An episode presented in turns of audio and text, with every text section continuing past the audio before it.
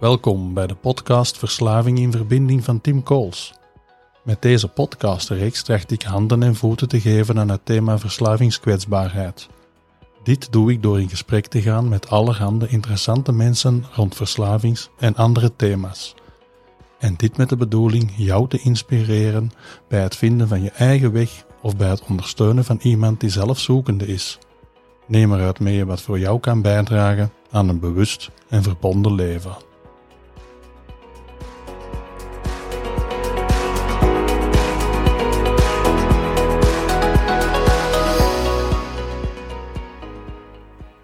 Goedemorgen, Iris.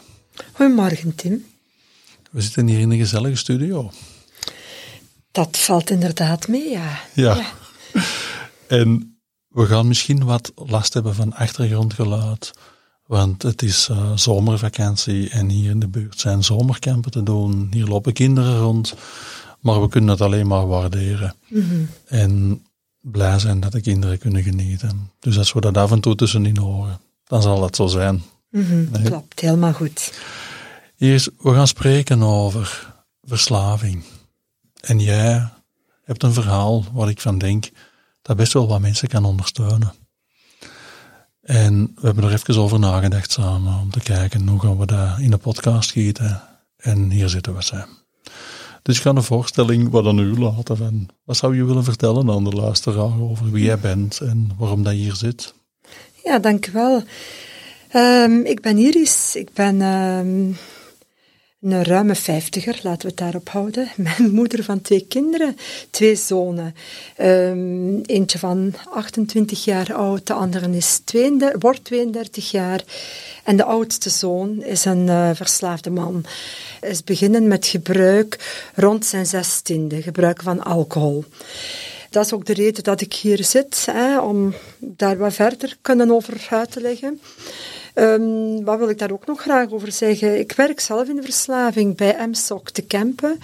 Daar zie ik mensen uh, die verslaafd zijn, actueel of in het verleden. En nee, ik ben niet begonnen met dit werk omdat mijn zoon verslaafd is. Ik wist het niet dat hij verslaafd was toen ik mijn job al deed. Aanvankelijk kom ik uit de psychische sector, dus ik heb altijd in de psychiatrie gewerkt. OPZ, maar niet in geel, in Rekem. Daar heb ik een forensische afdeling uh, mee geleid en een stukje vermaatschappelijking van de zorg van mensen met een langdurige psychische problematiek, waar zeker ook uh, verslaving bij betrokken was vaak, om daar terug een plaats in de maatschappij te zorgen. Um, de wisselwerking cliënt naar de maatschappij, maatschappij naar de cliënt.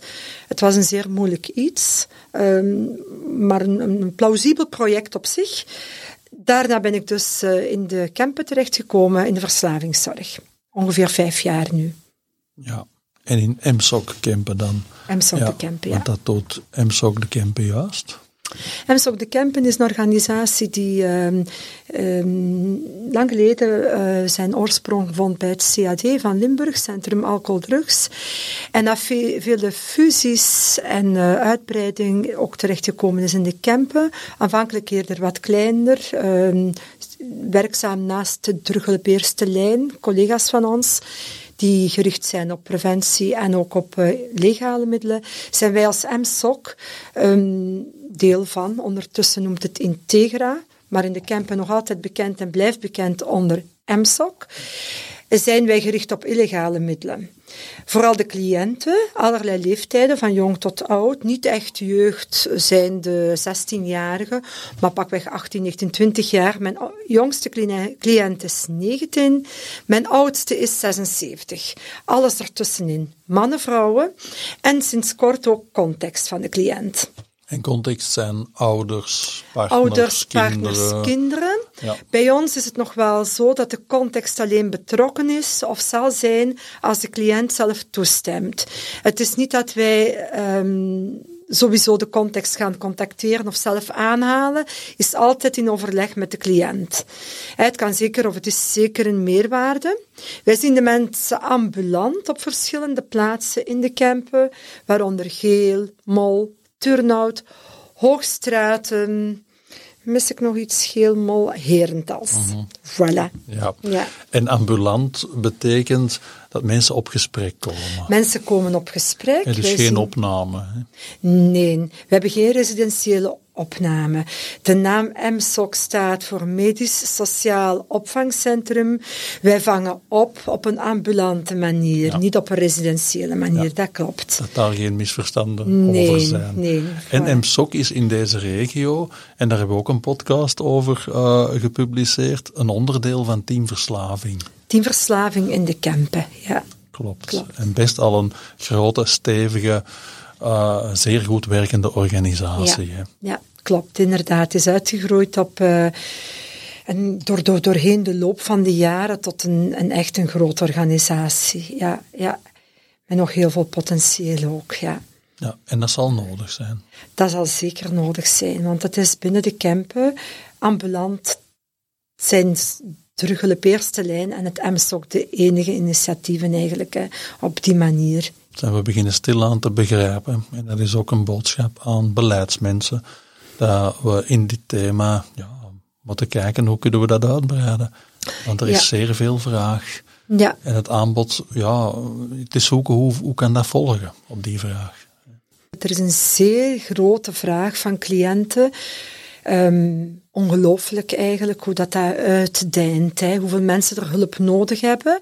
En het mooie aan aan het MSOC of aan het project of aan de organisatie, want ik kan uiteraard voor de hele organisatie hè, Integra spreken.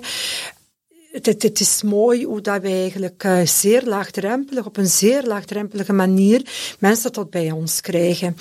Ehm, onder meer door de ambulante gesprekken, maar ook, we hebben ook een spuitenruilprogramma, wat eigenlijk inhoudt dat wij mensen die injecteren, dus injecterende gebruikers, bij ons krijgen, die gratis materiaal krijgen.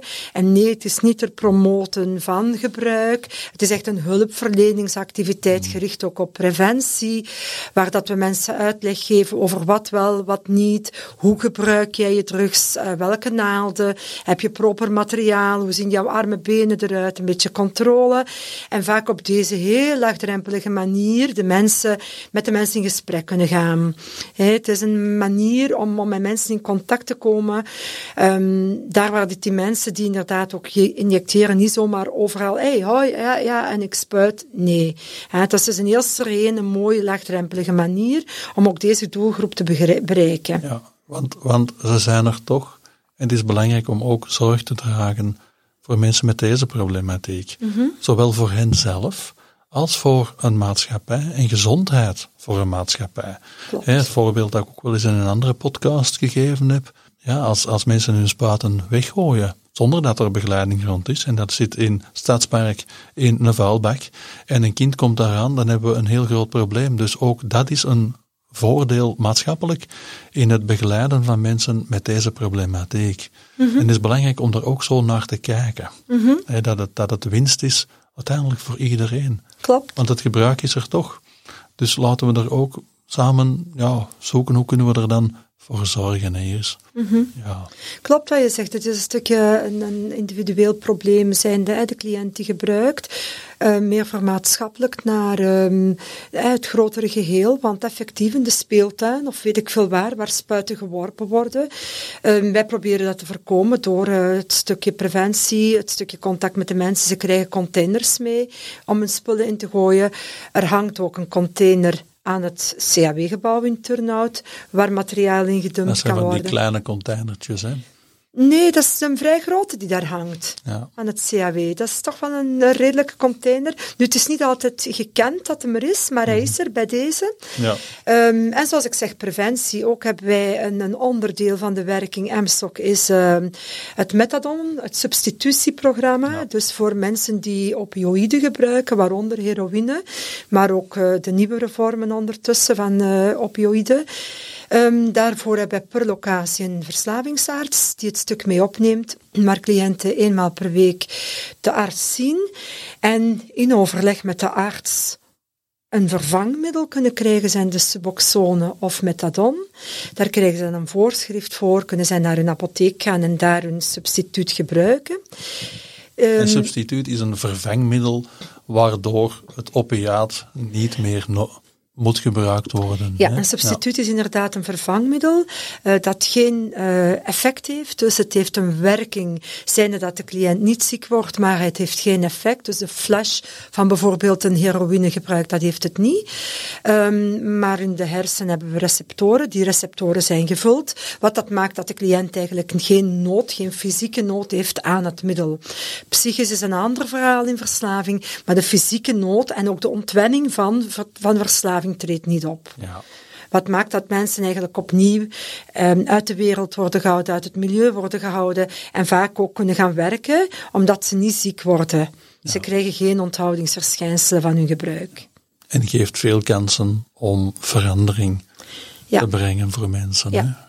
Het geeft kansen tot verandering. Het hoeft niet altijd zo. Hè. Het kan ook zijn dat het een stukje hoort onder de vorm um, of gebruikt wordt als harm reduction. Je hebt mensen die blijven hun product gebruiken. Harm reduction, schadebeperking. Schadebeperking, ja. ja. Um, kan zijn. Um, maar dat biedt, ook een, echt een mogelijkheid voor mensen om het middel af te bouwen. Het kan dan op een zeer gecontroleerde wijze. Iets wat je natuurlijk met drugs op straat niet kan. Hè. Je weet niet qua consistentie zijn die stabiel, die producten op straat. Dus we zien dat mensen eigenlijk zelden met afkicken of met detoxen, zou ik maar zeggen. Dat is een mogelijkheid eh, via ons programma van dat wel te doen. Ja, oké. Je hebt al heel veel verteld over je professionele context en daar heb je heel veel ervaring, hoor ik, en heel boeiend. Maar daarnaast heb je ook een privécontext waarin verslavingsgedrag aanwezig is. Je hebt verteld over je zoon. Zou je daar iets willen over vertellen, Iris? Want dat is de grote insteek van deze podcast, denk ik. Zoals ik zei, ik heb twee zonen, twee fantastische zonen, waar ik overigens heel trots op ben. Um, mijn oudste zoon, die, hè, die nu 32 jaar is, is ooit geboren met een ziekte, een auto-immuunziekte. Dat was op zich een heel uh, moeilijk proces, omdat hij uh, behoort tot de twee gekende gevallen binnen Europa. Het is een aandoening die lijkt op mucoviscidose. Um, de spijsvertering verliep als baby als, en als kind en heel zijn leven eigenlijk. Zeer moeilijk, heel vaak ziek, leek op verkoudheid in het begin. Um, ja, zoals ik zeg, heel moeilijk met wisselen van eten, heel veel ziek zijn. Ook de ogen zijn aangetast. Dus eigenlijk alles wat slijmvliezen inhoudt of aanhoudt in het lichaam, is, is heel kwetsbaar en is ook snel aangetast en onherstelbaar aangetast. Wat maakt dat. Um, ja, was mijn eerste kind. Ik had het niet zo door, eh, weet ik veel. Als je een eerste kind hebt, dan kan alles een beetje normaal zijn. En je moet niet vergelijken bij baby's en ook dat gegeven klopt. Maar er waren zeven kleinkinderen binnen de, binnen de familie op korte tijd, hè, bij broers en zussen. En dat maakte dat ik toch wel zag dat mijn kind altijd wat anders was. Wat meer ziek was, of weer ziek was, en de andere baby's toen niet. Um, maar ja, je neemt dat erbij. Ja, je hebt kindjes die meer ziek zijn. Gaandeweg werd het duidelijker toen ik een tweede kind verwachtte. Ongeveer drie jaar later dat dat, dat dat gewoon een veel makkelijker kind was. Hè. Um, de eerste baby was ook een huilbaby. Het kindje had ook van alles, wist ik veel. Tweede baby ging heel makkelijk. Dus er was opnieuw een verschil. Dat verschil werd mij alsmaar duidelijker. Wij liepen toen al bij de kinderarts, maar die zag niet veel problemen die op te lossen waren, buiten een siroopje, een antibioticaatje in die tijd en zo verder. Gaandeweg werd dat duidelijker. Um, er kwam een ooginfectie en mijn kind herstelde niet. De jongste wel, de oudste niet. En zo is dat proces doorgegaan tot wij op den duur uh, Gasthuisberg-Leuven zijn terechtgekomen. Ik ben ook afkomstig van Leuven. Um, en daar gingen de alarmbellen wel aan. Dus daar is die bij de ene prof, bij de andere prof. We hebben zelfs Egyptische profs gezien. We zijn in Londen geweest in het ziekenhuis, omdat daar nog een specialist zat. Goed, lang verhaal, kort verhaal. Het is een, een, een, een degeneratief proces, een progressief verslechterend proces, waar dat ze eigenlijk weinig um, levensverwachting hadden op, op hele lange termijn. Dat heeft geleid tot, tot heel veel zorgen van mijn kant. Hè. Ik was plots mama van een heel ziek kind. Heel veel zorgen, heel veel verdriet, kopzorgen, niet alleen voor mij, maar voor de ganse familie. Er gebeurt heel veel. Um, ik heb die zorgen altijd 200% opgenomen. duizend procent waarschijnlijk. Je weet op dat moment ook niet goed in welk verhaal je zit en je gaat door, door, door, door, door, door. En dan krijg je een puber, jonge puber, 14, 15, 13, 14, 15. En dan moet dat kind wat gaan zelfzorgen opnemen. En daar kwam heel veel weerstand van hem. Ik had een kind dat dat niet wou. Um, die deed niet wat ik vraag, die deed het niet goed, die kwam elke keer ook opnieuw in het ziekenhuis terecht, omdat hij zich niet goed verzorgde, was een proces, we bleven dat ondersteunen, enzovoort enzovoort. En op 17 jaar is hij aan één kant blind geworden, niet door zijn eigen toedoen, opnieuw omdat die ziekte progressief achteruit ging, is hij blind geworden. En mijn zoon heeft altijd in het niet aanvaarden van zijn ziekte gezeten altijd zo normaal mogelijk uh, willen zijn. Um, heeft ook een bepaald charisma, wat maakt dat hij ook mensen rondom hem kon vergaren op den duur, kon verzamelen die dingen voor hem deden. Dus hij heeft eigenlijk een beetje van zijn zwakte, of moet ik zeggen zijn ziek zijn, heeft hij in zijn puberteit al wat doen kantelen naar een, ik zal niet zeggen naar een manipulatie, want dat is niet juist, maar hij heeft het eigenlijk wel, omdat hij zo normaal mogelijk wou zijn, wat naar zijn hand proberen te zetten. Dus dat was toen al wel duidelijk. Dat is ook iets wat duidelijk is op deze leeftijd voor zichzelf. Dat weten. Lang verhaal, kort verhaal. Um, als je al niet goed voelt, je hebt weinig adem, je longen doen het niet goed, je ogen doen het niet goed. Je gaat ook nog een keer niet graag naar school. Um, mijn zoon ging dan te voet naar school, want op de bus zat hem ook niet graag. Maar hij ging naar school met een grote halve liter bier. En die dronk hem uit voor hem naar school ging als hem 16 was. En dan gingen we in de les zitten. Voilà. Dat heeft hij jaren gedaan, dat wisten wij niet. Als kind is ook wel eens zat thuisgekomen. Ik zou niet zeggen dat we dat normaal vonden, maar ik denk dat veel kinderen alles zat thuiskomen. Wat doe je? Je stuurt ze naar hun bed. Uh, je gaat uitzieken, drinkt wat water. Er staat een emmer naast je bed. Als je moet overgeven, alsjeblieft, doe het in de emmer. En ik kan niet zeggen dat dat veel voorviel. Daar was ook niks te zien aan hem.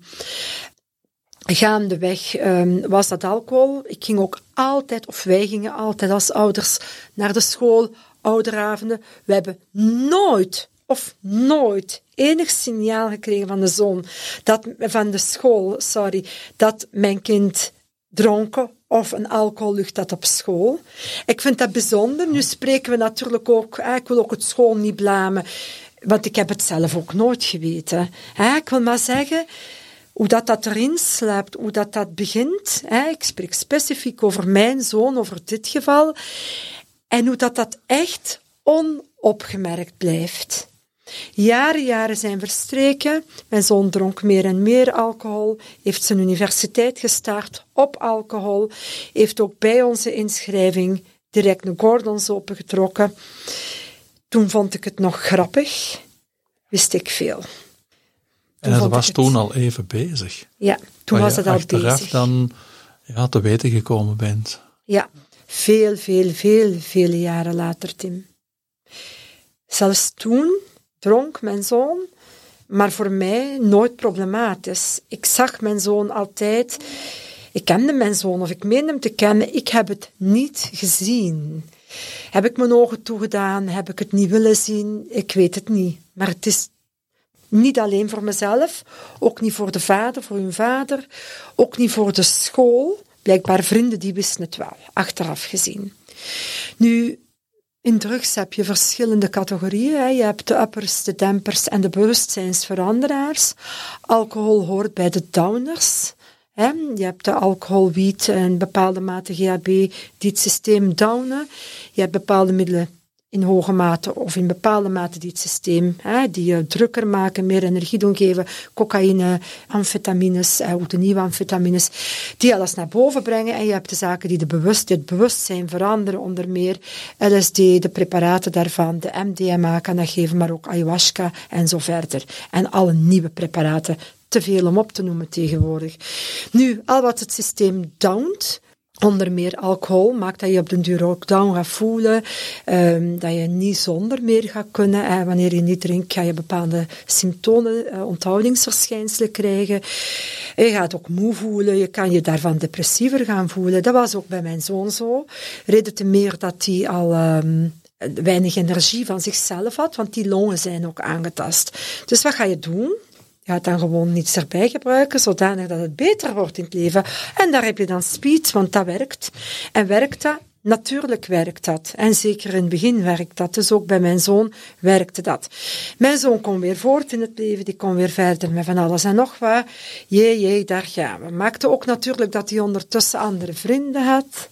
Mensen die dan ook die middelen hadden. Want in het begin was het het clubje in Leuven op de Oude Markt bierdrinkers. Nu hadden we natuurlijk mensen die speed bij hadden. En ook andere dingen bij hadden. En speed zijn amfetamines. Amfetamines, ja. Dus de straatnaam of de snelle mhm. speed. Ja. De straatnaam, zal ik maar zeggen, voor, voor, voor amfetamine of amfetamineachtige. Dus dan hadden we alcohol en dan hadden we speed. Die jaren verstreken, nooit geweten. Nooit geweten. Mijn zoon was ondertussen aan het werk, deed zijn job, heeft altijd gewerkt. Was desondanks zijn fysieke aandoening, ondertussen ook het psychische, wat dat moeilijker begon te gaan, is elke, elke dag gaan werken. Jaren aan een stuk jaren verstreken. Is alleen gaan wonen. Ik kwam daar wekelijks nooit gezien. Onvoorstelbaar. Nooit gezien. Ik kwam daar in huis. Ik ging daar naar het toilet. Ik kwam daar, ik zat daar niet alleen op de bank. Ik heb het nooit gezien. Toen begon mij wel te dagen dat hij veel dronk. En heb ik dat ook meermaals bespreekbaar gemaakt. Ik weet daarna dat hij ook terecht is gekomen bij een psycholoog in Leuven, omdat hij dat zelf ook vond. Maar dat ben ik pas allemaal later te weten gekomen. We hebben dan het fysieke stuk, de aandoening, waarvoor hij bij de, pro, de proffen, grote namen in Leuven, in behandeling was.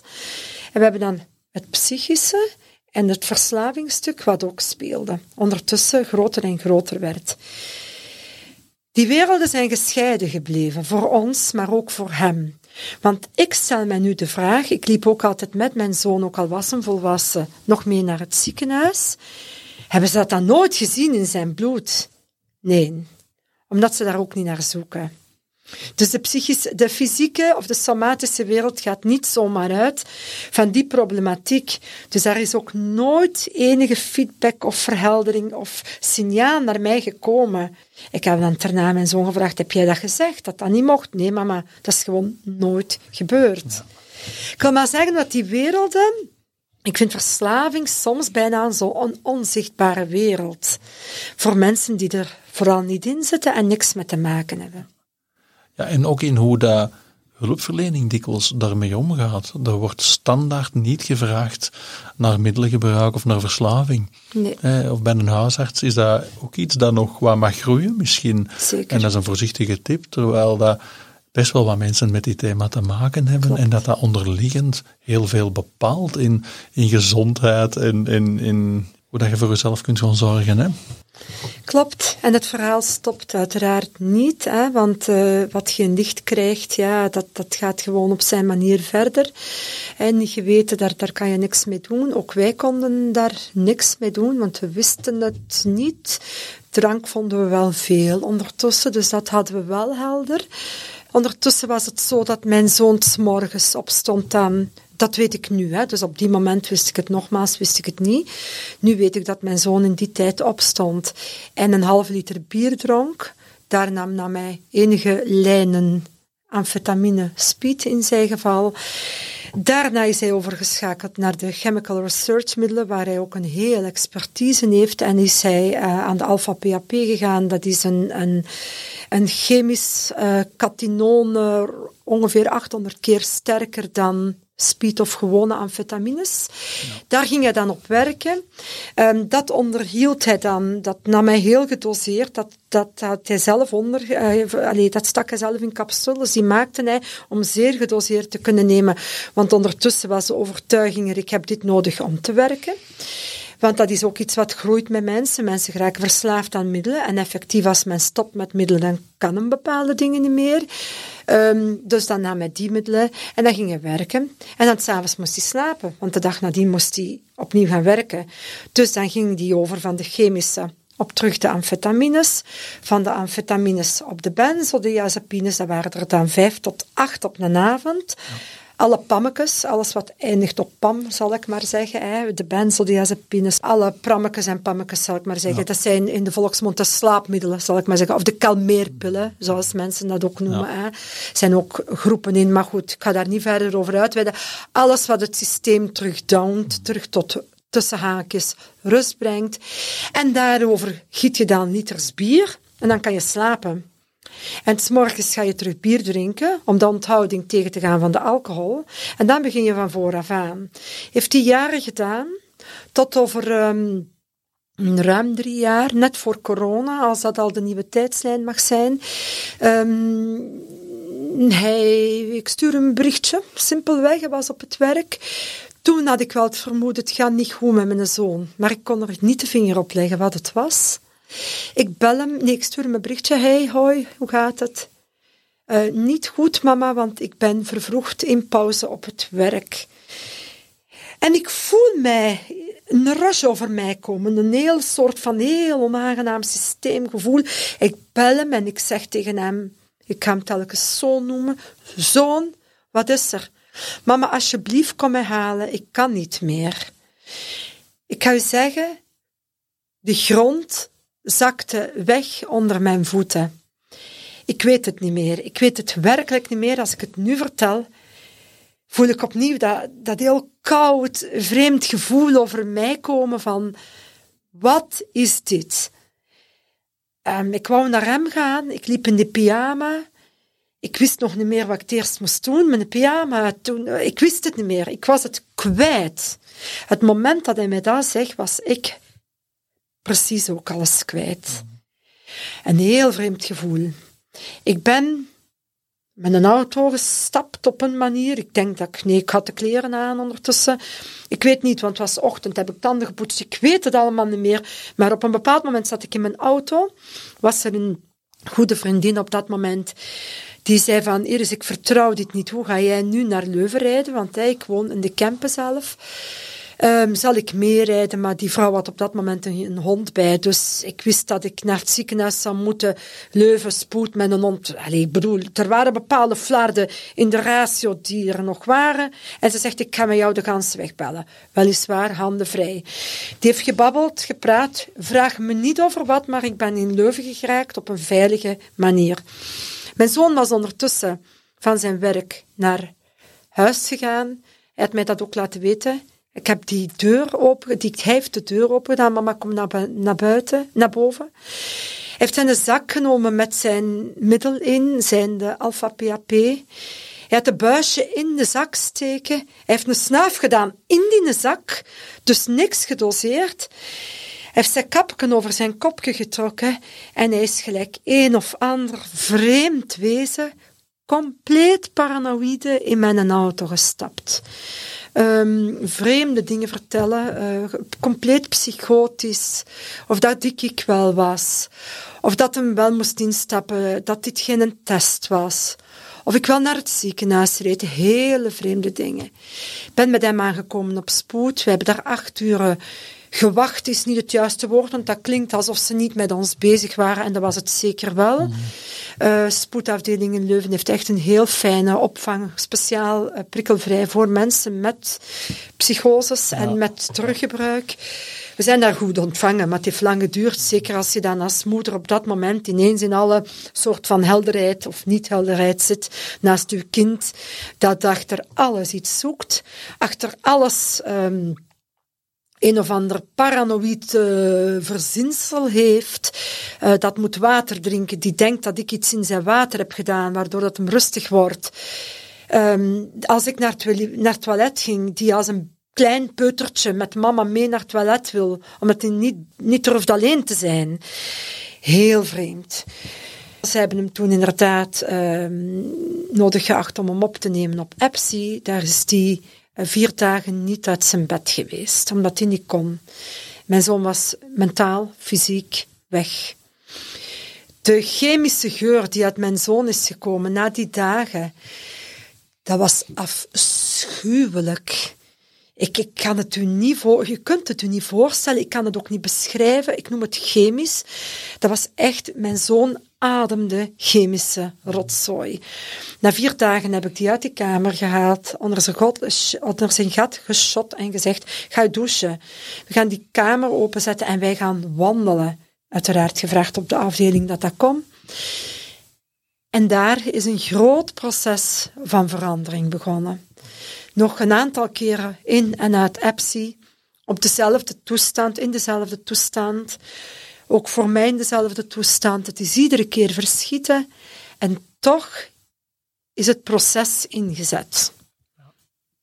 Proces van verandering. Het proces van verandering, ja. Ja, mijn zoon was ondertussen zeer verslaafd, jaren, hè, zoals ik net al benoemde. Had ook de overtuiging die veel mensen met een verslaving hebben.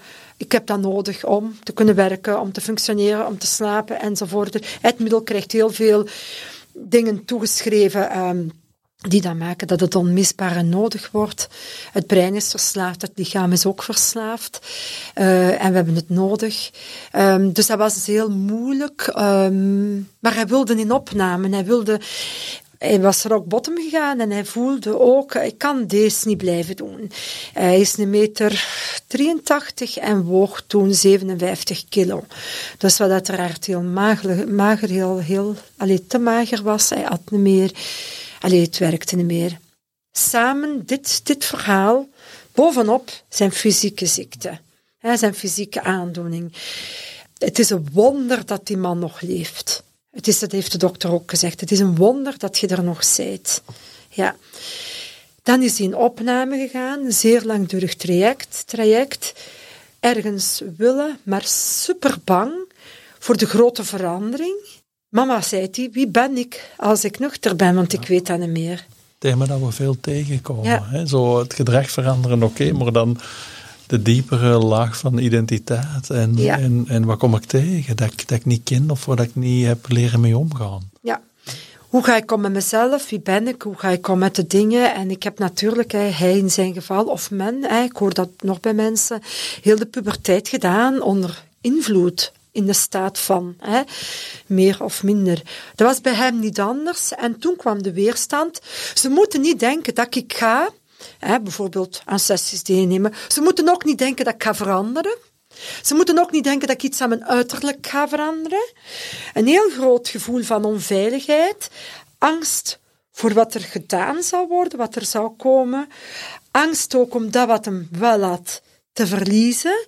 Want oké, het was dan misschien wel niet goed, maar het was wel wat hem vat op had, waar hem controle op had. Een het soort was... van evenwicht, zoals hij het gecreëerd heeft ooit. Ja. Het was zijn balans, zijn evenwicht en het bood, desondanks het heel destructief was op een bepaald moment, toch wel een leven wat hem wel kende op die manier.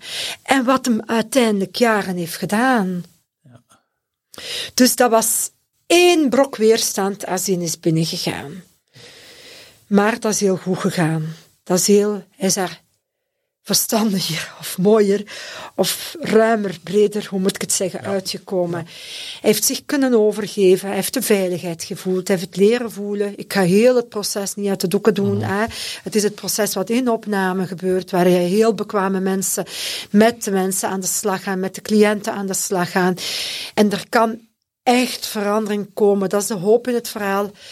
Het wil niet zeggen omdat iemand binnengaat dat nu allemaal is opgelost. De mensen met de persoon met verslaving komt uit opname en gaat nooit meer hervallen en alles is in koekenij. Nee, helaas niet. Het is de start die wordt gemaakt in een proces. En hoe een opname ook weer wat puzzelstukjes kan bijdragen aan een proces. En soms zijn dat net die puzzelstukjes die we nodig hebben, maar dat hangt af van ja, wie mensen zijn, waar ze zitten in hun proces, wat ze nodig hebben. En mensen denken dat dikwijls, oké, opname en dan moet het in orde zijn. Terwijl als we het als een onderdeel kunnen zien van een langdurend, steeds aanwerkend proces, dan wordt dat wat waardevoller. Zo. Dan wordt dat ook niet te zwaar, denk mhm. ik. Hè? Ja, dat is ook zo. Dus de start, hè. ik heb nu eigenlijk een beetje een tijdslijn geschetst bij deze, van zijn geboorte tot dat hij, nu moet ik even gaan denken, 28 was. Hè, want het is een aantal jaren geleden dat die verandering is ingezet. En eigenlijk heeft hem dat heel mooi vastgepakt, heel goed gedaan. Hij doet het nog steeds goed, vind ik. En met goed, en daar komen we hè, later in het verhaal ook nog bij, goed is een proces opnieuw doorheen de jaren van herval, opnieuw gebruiken, opnieuw zichzelf tegenkomen, um, opnieuw uh, terug kort in opname te gaan, terug de puntjes op de i, en enzovoort. Um, dat is iets wat mensen in herstel, hè, in verslavingen die in herstel gaan tegenkomen. Iemand die verslaafd is jaren, iets wat je jaren doet, heb je niet op één moment of op één jaar opgelost. Hè. Dat zit hem in veel meer dieper lagen van het zijn um, en op veel meer dimensies of veel meer levensdomeinen. Verslaving, hè, dat zit verweven ondertussen in hoe je een afwas doet. In alles zit dat. Hè. En of hoe dat je vooral niet doet als je verslaafd bent vaak. Hè. Maar uh, wil ik maar zeggen, dat is voor de cliënt of voor in dit geval voor mijn zoon, een zeer, zeer intensief proces in verandering, in afscheid nemen van een leven wat ze kenden, ook al was het geen goed leven. In rouw, want dat wil ook zeggen als je niet meer kunt gebruiken dat je vrienden niet meer mocht zien. En je hebt geen andere vrienden, je hebt alleen maar verslaafde vrienden. Dat is een heel intensief proces en bij gevolg ook voor de context. Ik ga vooral bij mezelf houden. Ik kan, kan ook alleen maar voor mezelf spreken. Voor de mama, voor mij in dit geval.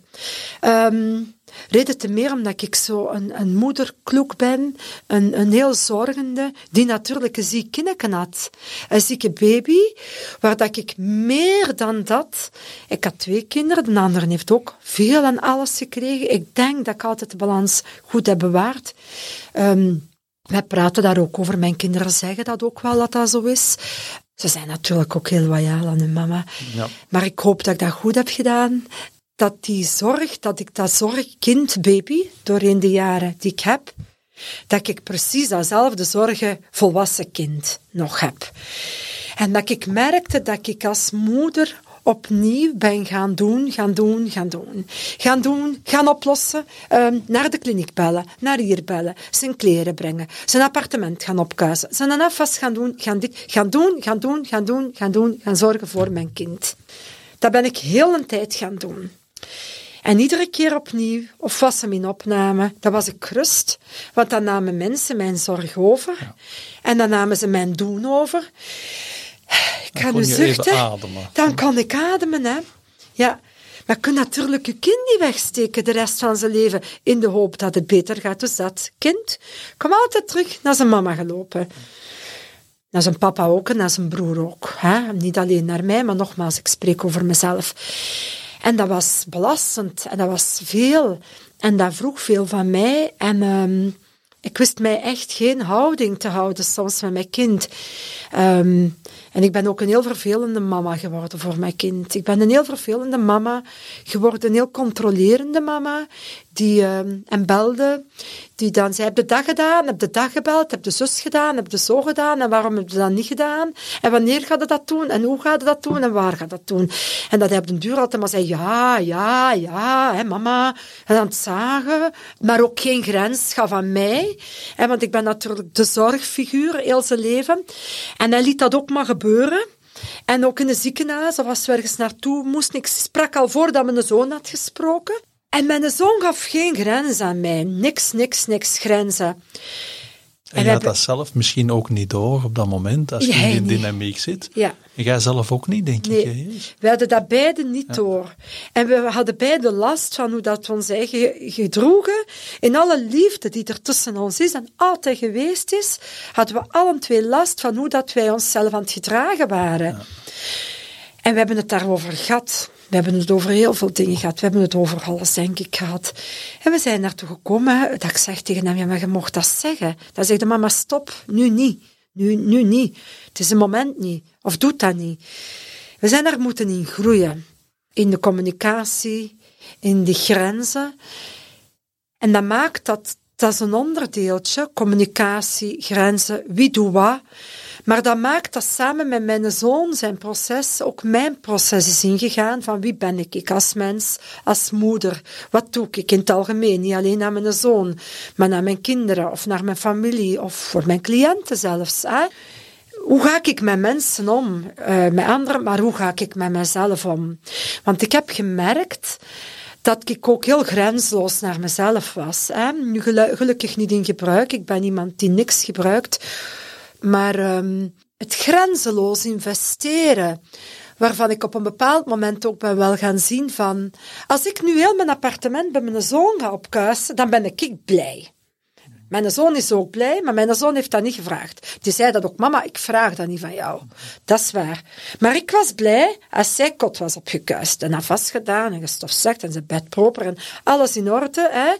Um, mijn zoon lag dan met een halve liter bier op de bank te kijken hoe dat ma poetste. Was super blij, uiteraard.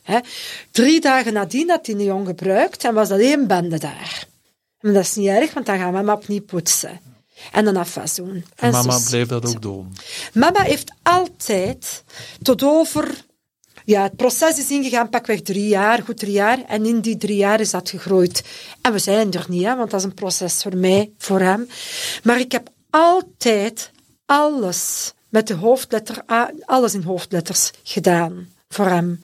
Ik gaf geld en ik ben een terughulpverlener. En iedereen weet dat je mensen die drugs gebruiken eigenlijk je geld moet geven. Of het is te zeggen, die gaan naar drugs mee kopen, dat weet je.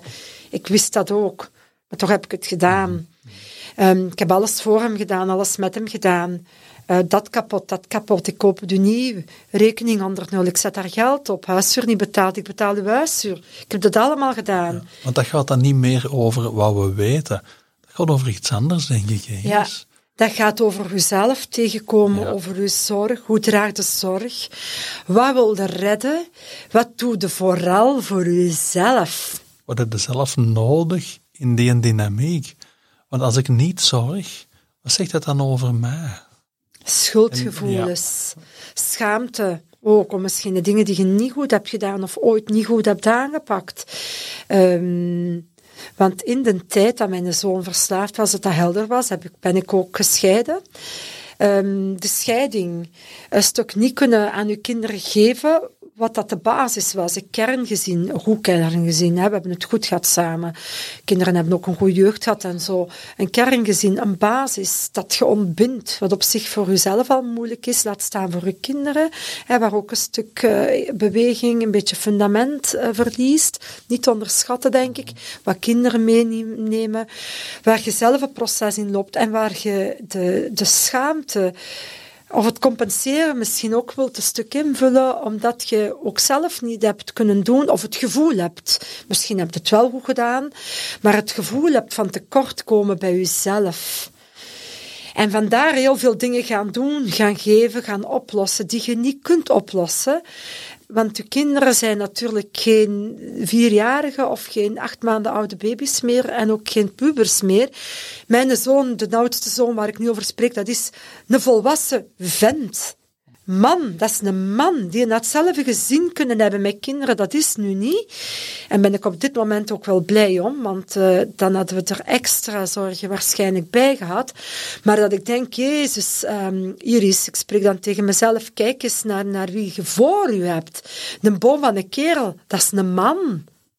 Met een eigen volwassen verantwoordelijkheid om een aantal dingen zelf op te pakken. En zolang dat we zorgen, lijken we dat niet te zien. En dat is ook een deel van het proces geweest, denk ik. Of nog, denk ik, misschien. Mijn zoon zijn ontwikkeling, zal ik niet zeggen, want hij dat is een zeer intelligente man. Maar die ontwikkeling in verantwoordelijkheid... Ehm, het was een kind, ik ga even terug in de tijd, het was een kind wat heel graag zorg ontving. Het was ook een blij kind. En hij had dat heel graag. Het doen voor, hij heeft dat als heel comfortabel beschouwd. Ehm, en dat heeft zich door, vanaf zijn 16 jaar is dat ergens gestopt. En dat heeft zich doorgetrokken, want dat is ook comfortabel. Want het leven wordt gedaan, wordt geleid met lange ei, met korte ei, zal ik maar zeggen, met momenten. Maar het wordt gedaan. Um, zo ging mijn zoon dan alleen wonen. En uh, ben ik samen met zijn broer en met uh, zijn verloofde en gingen we naar de winkel, anders kopen, kopen, kopen, kopen, dit en alles inrichten. En wij gingen dan alles installeren. En mijn zoon zat opnieuw in zijn pas geïnstalleerde bank met zijn halve liter. Want oh, dat was wel allemaal veel. Ik wil nu niet zeggen, hij doet niks en wij doen alles. Ik zit hier niet aan schuldinductie te doen en niet aan goed en slecht. Een dynamiek in die, die de ontstaan. dynamiek die er ontstaan, hoe dat je beiden met elkaar omgaat. En hoe dat ik nooit heb meegewerkt of geholpen aan, in plaats van een zorgende moeder zijn, naar een coachende ouder die dat mijn zoon meehelpt groot worden. Niet alleen in lengte, maar in persoonlijke ontwikkeling, in, in verantwoordelijkheid nemen, in, in veiligheid daarin ook, hè, in uh, ondersteuning, het kunnen. Jawel, jij kunt dat. Hè. Nee, ik heb hem ook heel veel ontnomen. Ik heb hem heel veel dingen ontnomen door mijn zorg ook. Zo moedig dat je dat zo kan uitspreken, zonder dat er schuld moet op zitten, uiteraard. Ja. Maar dat we wel inderdaad vanuit een dynamiek ja. zien hoe, hoe aandelen hè, daarin zitten en dat, dat een aandeel is dat, dat jij daarin gelegd hebt, waardoor hem iets ontnomen is, ja. waar hij recht op heeft om als volwassen man te mogen zijn eigen grond te maken. Ja, ja. En het gaat verder dan dat, want um, ik zit nog altijd in het stukje zorgen, overgang, wat doet je wel, wat doet je niet. Um, meer en meer kwam ik ook bij mezelf uit. Hè? Zoals ik zeg, het is een proces voor zijn kant, ook voor mijn kant. Mijn zoon is nog hervallen, regelmatig. Uh, dat gebeurt nog. Um, daar zit een heel mooi proces in. Uh, zijnde van, van, komende van 300, 24-7, 365 dagen gebruik naar ik heb een herval en ik stop daarmee en ik herneem mij. Ik heb handvaten, ik weet wat ik kan en wat ik niet kan. En ook voor mij, ik ben als hulpverlener zit ik een beetje in een dubbelpositie zijnde. Ik ben mama en hulpverlener. En um, ik ben dankbaar en blij dat ik hulpverlener ben, want ik denk dat ik anders een, een, een ontreddender, de moeder die ik ben, ik zou een compleet ontredderde moeder geweest zijn, denk ik. Ik vind dat mijn hulpverlening mij geholpen heeft om een beetje bij mezelf, hoe moet ik dat zeggen, balans niet, want die heb ik niet meteen gevonden. Nog maar de kennis die ik had over verslaving maakte dat ik wel wist in welk verhaal dat ik stapte. Ja. Ja, en dat je dat ook kon toelaten om er dan vanuit die kijk ook te gaan naar beginnen kijken. Ja. Want dat is moeilijk, denk ik. Hè? Een Ja. rol als moeder en, en een rol als ja, wat deskundige. Zo. Ja. Om dat wat te combineren. Ja, en dan kom je natuurlijk hè, op twee sporen terecht. Enerzijds het stukje hulpverlener, anderzijds het stukje uh, moeder. Mijn zoon heeft ondertussen een aantal hulpverleners in zijn context zitten. Hè. De psychiater, ook mensen van MSOC van Brabant. Um, mensen met wie hem praten doet er niet toe, al dan niet professionele. Uh, dan heeft hem zijn moeder, die ook professioneel is. Maar ik ben natuurlijk niet een hulpverlener van mijn zoon. Nee. Alhoewel dat dat stukje er ook wel mee incijpelt. Hè? Ik ben ook niet compleet... Ges ik ben geen... Ook naar mijn cliënt toe ben ik, ik uh, de hulpverlener, maar dan ook ben ik een mama. Niet voor mijn cliënten, maar het stukje zorgzaamheid of zo, die mijn persoonlijkheid mee bepaalt, die draag ik mee in mijn werk, in mijn vriendschap, in al die rollen die ik heb in mijn leven. De valkuil was wel om niet een hulpverlener van mijn zoon te zijn. Dat heb ik ervaren. Ik heb ook mogen merken dat mijn zoon van mij geen hulpverleningsattitude aanneemt. Hè? Dat werd gewoon met het badwater weggegoten. Ja. Um, ik heb dat moeten zien. Dat was ja. mooi. Dat ik dacht, ah, maar uw psychiater heeft dat gezegd. Dat heb ik toch al twaalf keer tegen u gezegd. dus ik kan daar nu wel om lachen. En toen dacht ik, kind, luister nu toch een keer naar mij. Allee. Dat hopeloze van die moeder zat daar ook in. Um, die hopeloze moeder in mij, van ah, wat nu? En, en, en het is weer zover en het is dan avond en ik moet morgen, ik zeg maar iets, ik heb mijn professioneel stuk, ik heb daar hè, vijf of zes cliënten op staan en dat begint, de eerste komt om tien uur s ochtends en dan heeft mijn zoon om elf uur het avonds gebeld hoe slecht het met hem gaat, mm -hmm. hoe slecht hem ervoor zit. Hoe hij wel niet past in de maatschappij. En hoe heel die maatschappij ook wel fucked up is. En hoe hij dat niet kan. En weet ik veel wat, ik kan hier nog een uur doorgaan. Ik ga het u besparen. Ik heb dan morgen allemaal cliënten die wachten. En ik luister naar hem, want hij is mijn zoon. En daar zit het opnieuw met uw grenzen. Je wilt er zijn voor je zoon, je wilt luisteren naar zijn verhalen, dat is ook wat je één te doen hebt, dat is wat je wilt. Maar ook wil je gaan slapen. Want je hebt morgen vijf cliënten of zes cliënten. En kun je zeggen, ja, je belt naar je werkgever en je zegt dat je ziek bent.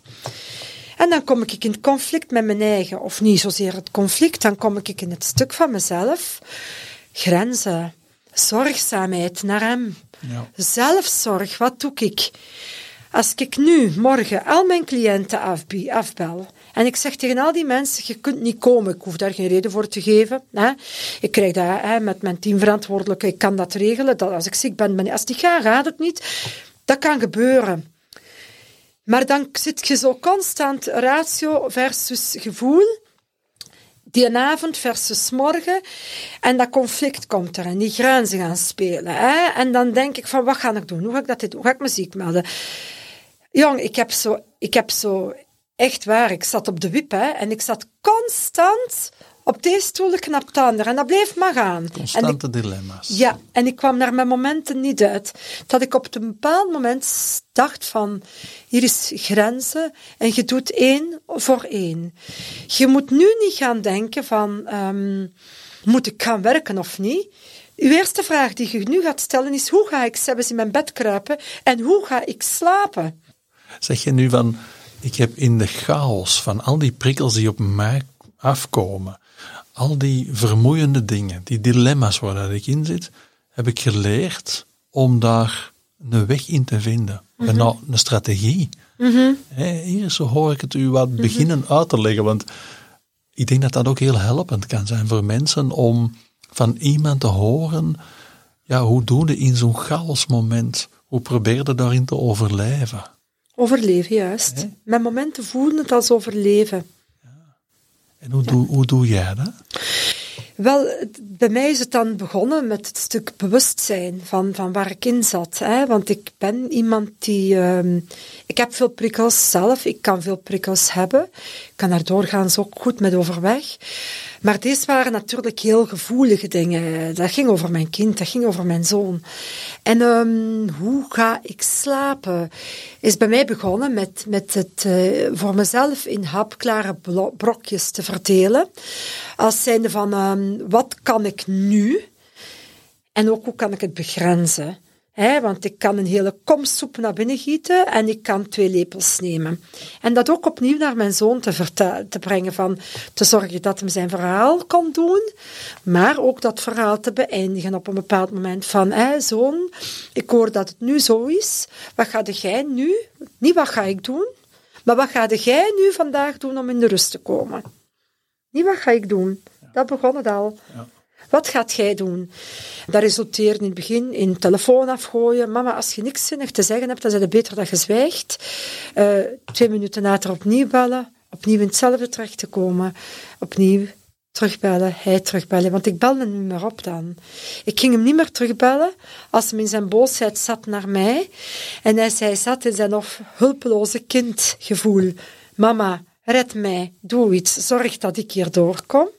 Altijd naar mijn zoon geluisterd, het hem gebracht en begrensd. En op een bepaald moment ook gezegd van, kijk, hè, eh, wat ga jij doen? Oké, je gaat dat doen? Oké, dat is goed. We spreken elkaar morgen opnieuw. Begrensd en teruggegeven aan hem. Ja, begrensd, teruggegeven aan hem en een vervolg aangemaakt van, we elkaar morgen opnieuw. We gaan het erover hebben. Dat heeft gewerkt en dan ligt je in je bed en dan lig je te denken, zou ik wel en moet ik wel en ga ik wel en ga ik morgen kunnen. En dan moet je de uitknop vinden. Ken je? Dat is dan de rode. Je hebt de groene en de rode. Maar die, die heb ik dan niet gemakkelijk gevonden. Maar ik heb wel gemerkt door te, te begrenzen en te doen wat ik nu machtig was, wat niet oplossen was, oplossen kon ik dat niet, dat dat ook wel rust bracht, wetende dat ik morgen verder ging. Morgen stond ik op, ik zette de wekker voor te gaan werken en morgen ging ik kijken hoe dat ik mij die een moment voelde. Kan ik nu voor mijn cliënt gaan zitten? Is dat verantwoord? Is dat goed voor mijn cliënt en is dat goed voor mij? Maar niet s'avonds gaan invullen. Niet s'avonds. Alles komt op zijn tijd, op de juiste tijd. En dat maakt de grote behapbaar, in kleine hap, in kleine brokjes. Voor mij althans. Zeer mooi. Want er komt zoveel op ons af, waardoor dat we dat ineens allemaal willen oplossen. En als we dat doorhebben en we kunnen daar bewuster mee omgaan, we kunnen het vertragen en het opsplitsen in een aantal stukken die haalbaar zijn.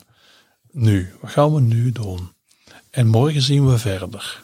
Op die manier. En morgen is weer een andere dag, met een andere insteek, met andere gevoelens. En dan ook weer peilen, wat is er nu en wat kunnen we nu? Wat kunnen we nu niet? En dus heel goed voor onszelf daarin blijven zorgen. En in de balans altijd afwegen met een andere. Wat is mijn aandeel? Wat is het aandeel van de andere? Leeftijdsadequaat bijna. Ja. Inderdaad, dat heb je mooi verwoord, dat heeft mooi samengevat. En het stukje ehm, leven in het hier en nu is een, een, een, een steeds ruimer wordend eh, denkbeeld bij mezelf. Ehm, wat niet wil zeggen dat je als gezonde mens of eh, dat je geen korte termijn en lange termijn doelen of plannen mag maken, uiteraard. Hè. Maar um, in, met omgaande met deze materie voor mijn zoon, maar draagt ook door in mijn professioneel leven. Nu is nu. Uh, nu is 21 uur 30 s'avonds. En daar heb je de dingen die, in mijn geval, die mijn zoon nu brengt, zijn nu actueel. En ik heb ook mogen merken dat morgen er iets heel anders actueel kan zijn. Want morgen heeft hij misschien op zijn bankrekening gekeken en ziet hij dat hij op min staat. En dan wordt dat heel groot. En, en dat heeft mij geholpen om um, vooral bij mezelf te blijven, om aan introspectie te doen, zelfzorg te doen, um, te voelen van Iris, hoe zit of liegde jij als ik in mijn bed lag erbij? Kun jij je ontspannen? Kun jij nu goed in je bedje gaan liggen, lekker hè, in je matrasje, je lakentje, en vind je het? En gaandeweg dat bewustzijn van, hoe slaap ik nu goed? Wat heb ik daarvoor nodig? Is dat gekomen? En ik ga er wel een keer door terwijl ik het zeg. Want ik durf gerust zeggen, en zonder schuldgevoel, dat ik ondertussen, desondanks het feit mijn zoon met momenten bij tijden veel miserie rond zijn hoofd heeft of miserie brengt, ik slaap goed. En, en dat is mooi. Dat is heel mooi. Je kan het jezelf ook gunnen en je zegt ook, ik heb het ook echt nodig. Ja dat je voor jezelf daarin zorgt. Ja, er is voor mij op een bepaald moment een zinnetje gaan dagen in mijn hoofd. Het was eigenlijk van, verdorie Iris, uw eigen leven is ook heel belangrijk. Mijn eigen leven is zwaar en mijn eigen gezondheid is het belangrijkste op de wereld voor mij. Want wat gebeurt er als ik samen met mijn zoon, excuseer, met mijn zoon in het mandje ga liggen van uh, in het lappenmandje, in het, het gaat niet, kan niet, lukt niet, we zitten tegen elkaar op, weet ik veel wat. Daar is niemand mee geholpen, hij niet, ik ook niet. En ik denk, als ik dan toch een goede moeder ben, wat ik uiteraard ook ben, dan moet ik in de eerste plaats de beste versie voor mezelf zijn. En welk mooi voorbeeld leef je ook voor als je aan een kind kan tonen hoe je goed voor jezelf zorgt? Ja. Dat, dat, ook iets is dat je een kind kan meegeven. Ja. Dat er grenzen zijn. Dat wij ook een eigen leven hebben. Ja. Dat we onze eigen doelenbogen hebben en dat dat altijd zoeken is. Hoe zit dat in balans met zorgen bij een kind?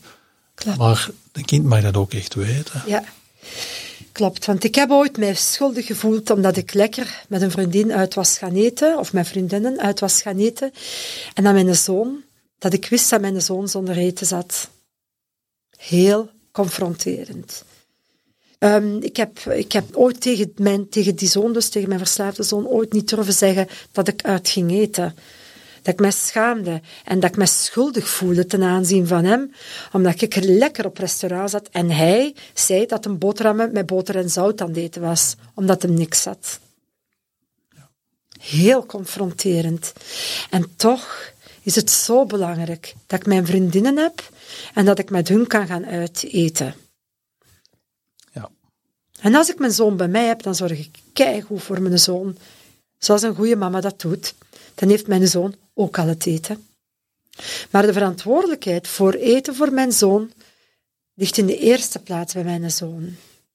Ja. En niet bij mij. Ja. Niet meer bij mij. Niet meer. Niet meer bij mij. En als ik hem wat geef, kan ik hem onder meer eten geven.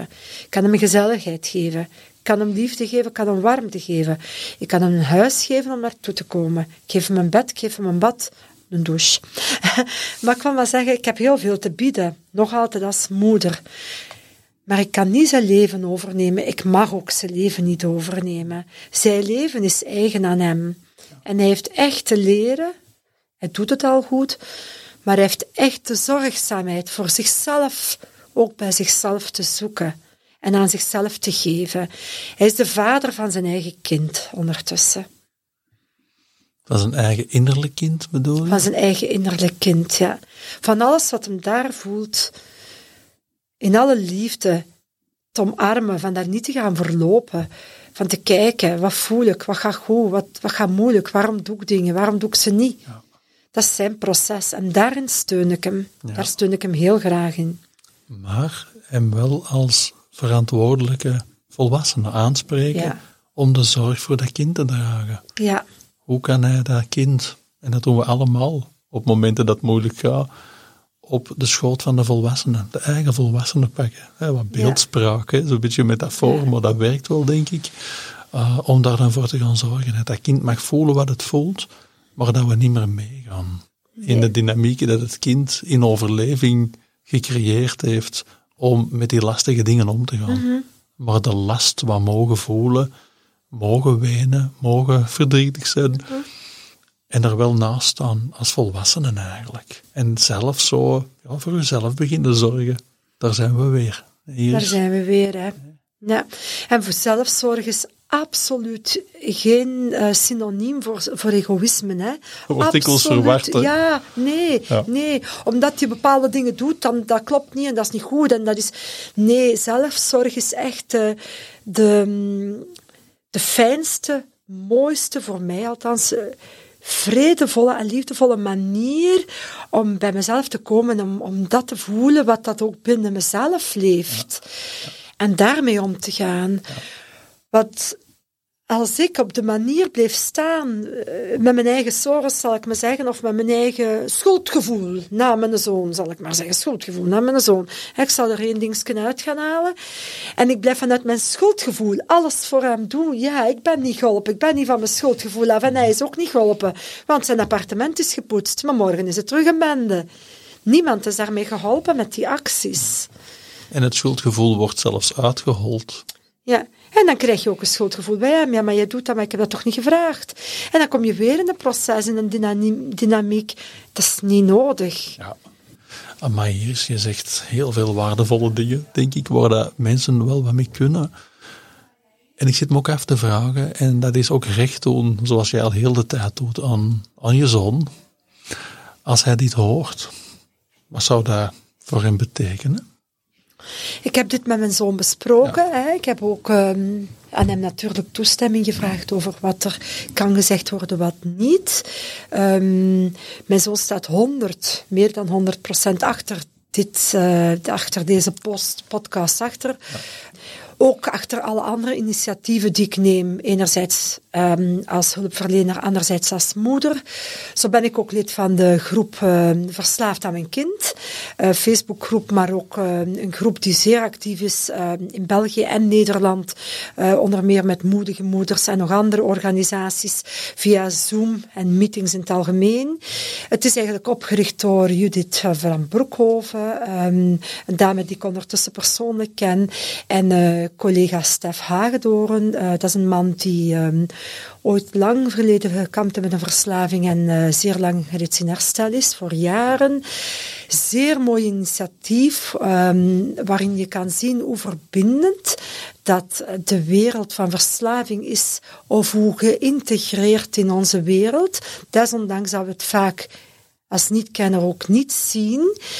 Um, je zou het kunnen vergelijken met een vlieg. Een vlieg heeft facetogen en die ziet andere dingen dan wij. Wil niet zeggen omdat wij het niet zien dat het er niet is. En dat is zo mooi, want het vliegt samen, het komt samen. En dat je ook ziet dat mensen met verslaving zijn heus geen andere mensen dan mensen zonder verslaving. Um, en hoe waardevol wij allemaal kunnen zijn in het traject van mensen met verslaving. Hoe dat ook verslaving van een naaste ons bij onszelf kan brengen. Het is een wisselwerking. Het is een dynamiek tussen mensen. Het is dus niet zomaar en jij bent verslaafd, dus jij hebt het gedaan en jij bent schuldig en stop daarmee en doet dat niet meer. Zo simpel is het niet. We komen ook ons eigen innerlijk kind tegen. En daar ging het dan ook al een hele tijd over in de podcast. Hè? We komen onszelf tegen vaak zijn mensen met een verslaving, laten zij in een contextueel systeem iets zien. Zij brengen vaak de pijnpuntjes en de pijnlijke, de gekwetste dingen zo naar boven, vanuit hun, waarvan ze zelf ook meekrijgen uit die context laten ze brengen ze naar boven vaak. En dat is eigenlijk zo mooi. Eigenlijk kun je als context zo mooi veel dingen en grenzen bewaken. Hè, want je hebt natuurlijk niet alleen de persoon, je hebt ook middelen. En die middelen die hebben uiteraard een werking. Anders zouden mensen ze niet gebruiken. Maar daardoorheen kijkende blijven grenzen bieden voor wat gezond en goed is voor jou. Maar wel mee naast de mens die dan naar boven brengt, mee blijven lopen, blijven kijken en blijven voelen wat van jou, wat van mij. Maar vooral ook niet alleen wat van u en wat, mhm. wat van jou, wat heb jij te doen, maar ook wat heb ik te doen. Ja. Opnieuw, wat heb ik hier op te lossen? Wat heb ik te doen? Hoe ga ik ermee om? Dat, uh, en dan spreek jij over Judith van Broekhoven, waar ook een podcast mee opgenomen is, waar ze ook vertelt over haar boek Verslaafd aan mijn ja, kind. Verslaafd aan mijn kind. En, en dan de, de groep van ondersteuning. Ja. Waar je ook een aandeel in hebt, hoor ik. En waar je ook van zegt, dit is echt wel een fantastisch initiatief om, om nog eens goed uit te spreken aan de mensen. Hè? Ja, zeer mooi initiatief. Um, ik denk, hè, ik ken de wereld van verslaving enerzijds, zoals ik in het begin ook al zei, omdat ik er werkzaam in ben. Maar de wereld van verslaving van mijn kind is voor mij ook een openbaring van sinds het moment ik dat wist, dat dat zo was. En dat is toch nog iets anders, want dat komt heel dichtbij. En het is niet hulpverlener zijn, zoals ik ook al benoemde, kan een hulpmiddel zijn voor mij, maar niet iedereen is hulpverlener. En hoe ga je er dan mee om? Wat komt er ineens op jou af? Uh, wat kan je? Wat kan... Allee, heel dat proces. Ik kun iedereen um, de mooie onbevooroordeelde uh, werkwijze en zienswijze en kennismaking en deelzaamheid van de groep, onder meer verslaafd aan mijn kind. Dat mensen dat daar mogen brengen en dat dat erkend wordt, herkend en erkend wordt door zoveel andere mensen. Dat je uiteindelijk weet van, ah, ik ben niet alleen. Mhm. Ah, dat. Ah, die hebben dat ook. Dat is zo waardevol. En ik, ik, ik, mag voelen wat ik voel. Het bestaat ook ergens anders. Ja. En ik mag ook andere klokken horen luiden, die jij nu ook aan het vertellen bent, waardoor mensen ook ja, anders kunnen gaan verbinden met, mhm. met hun proces. Hè. Ja. ja, klopt. Amai, we zijn, we zijn al veel langer dan een uur bezig, wat boven het gemiddelde zit. En we hadden wat vragen, maar ik denk doorheen, wat je allemaal verteld hebt, dat al die vragen beantwoord zijn. Of jij moest zeggen, Iris, van, ik, heb, ik heb toch nog zelf iets waar ik van denk, dat wil ik toch nog vertellen. Um, een korte afsluiter zou kunnen zijn, laat het oordeel, het oordeel los op verslaving. Blijf kijken naar wie een mens is. Aanvaard de mens, niet het gedrag. Het gedrag wordt veroorzaakt door middelen. De mens, dat is een ander wezen. Kijk naar de mens Steun de mens, niet het gedrag. Ja, maak een opsplitsing tussen een persoon, persoon. en het gedrag van die persoon. Ja. En doe dat in hoe dat je er naar kijkt, maar ook hoe dat je ermee omgaat. Mhm. Dat is belangrijk. Mhm. Dat vind ik een zeer mooie afsluiter. Iris, ik wil je heel hard danken. Dank je wel ook.